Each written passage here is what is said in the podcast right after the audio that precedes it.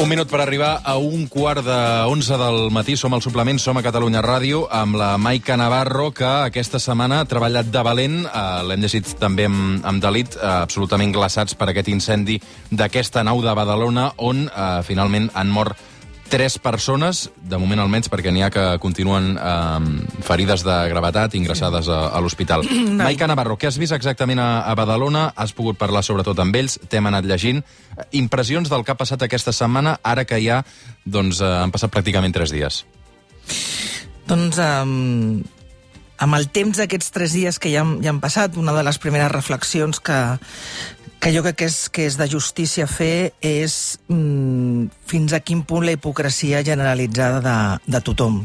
De tothom. O sigui que ara ens posem tots les mans al cap com si haguéssim descobert la, la sopa d'ell, ens hauria d'avergonyir a, a tots plegats com a societat i especialment a, a la classe política.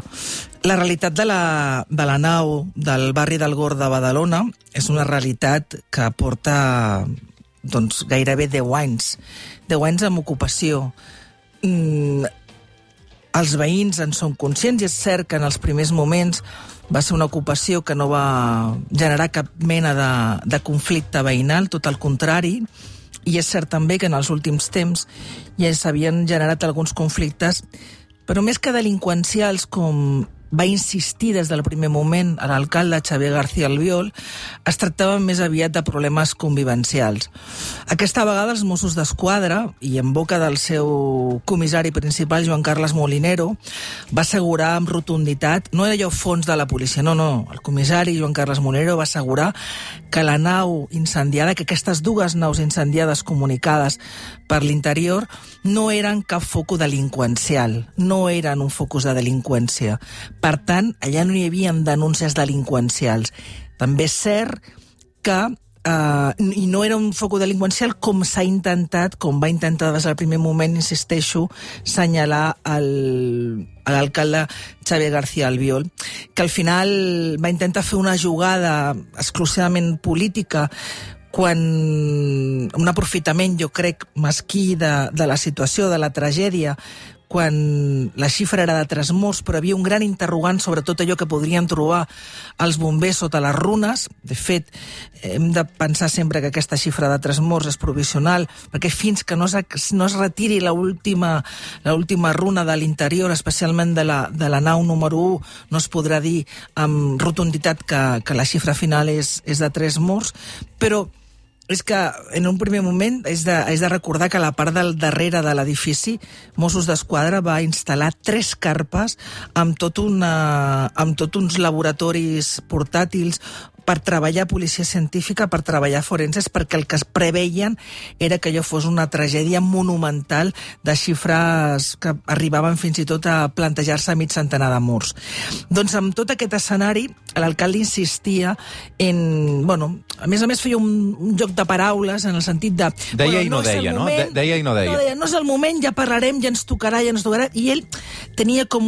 es guardava com un as a la màniga que filtrava de manera així com hors de rècord amb, eh, amb determinats periodistes que estàvem allà, que era que ell demostraria amb proves que l'Ajuntament ja va advertir que allò eh, era un era un, un focus de risc i que l'Ajuntament ja va intentar eh, entrar.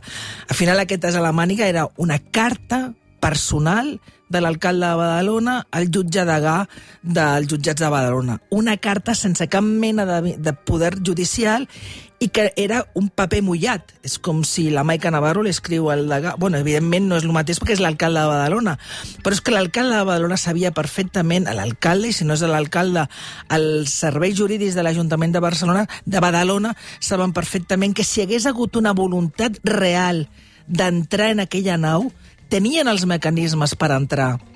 Podrien eh, iniciar un procés contenciós administratiu amb una resposta immediata, presentant doncs, al jutjat de guàrdia un informe advertint de que aquella nau hi havia riscos per la gent qui vivia a l'interior. I allò no es va fer. Aleshores, que eh, amb tan poques hores assistir a aquest debat eh, i aquest creuament d'acusacions de qui és la culpa, la culpa és de tot, de tots, de tots i de totes és la culpa. I també de la pròpia societat, que en el fons, si som, si som conseqüents, si som honestos, ja ens va bé a la gran majoria de la gent tenir, entre cometes, empaquetada la gent amb naus i no trobar-les enmig del carrer. És allò de no mirar el problema allò de cara. Bueno, aquestes naus fa una pila d'anys que hi són i són a totes les grans ciutats no, no, de Catalunya. És, evidentment, a més a més, clar, eh, que ningú em digui ara, o sigui, si les administracions volen fer, es posen les mans al cap i realment diuen, escolta, va, anem, aneu, feu coses, vinga, doncs comenceu ja, avui mateix podeu començar tots els, més o menys tots els diaris avui, eh, tots els mitjans de comunicació recullen que aproximadament, no només a, només a la ciutat de Barcelona deuen haver-hi uns 77 assentaments, segurament no de la magnitud d'aquest del barri del Gor de Badalona, però assentaments també de persones, en la gran, gran majoria eh, migrants en situació irregular. Però hi ha a Barcelona, hi ha a Lleida, a Girona, i a totes les grans ciutats, hi ha Sant Adrià, Santa Coloma, a tot arreu hi ha aquests assentaments. Per tant, administracions, si volen fer, poden fer a partir d'avui. De fet, hi ha moltes associacions, ONGs, o gent que fins i tot de manera individual estan fent una gran tasca tasca social amb, aquestes, amb aquests assentaments. I dos, també hi ha un altre debat que ens haurien de replantejar tots. Imaginem-nos que ara mateix els ajuntaments comencen a dir, va, d'acord, jo tinc les eines per entrar e incentivo els, els propietaris perquè presentin denúncies per desallotjar aquesta gent. Qui diria la societat en general? Què diríem els editorialistes i determinats líders d'opinió si de sobte els ajuntaments lideressin la desocupació de naus o, o espais en acullen aquestes persones per risc de la seva integritat?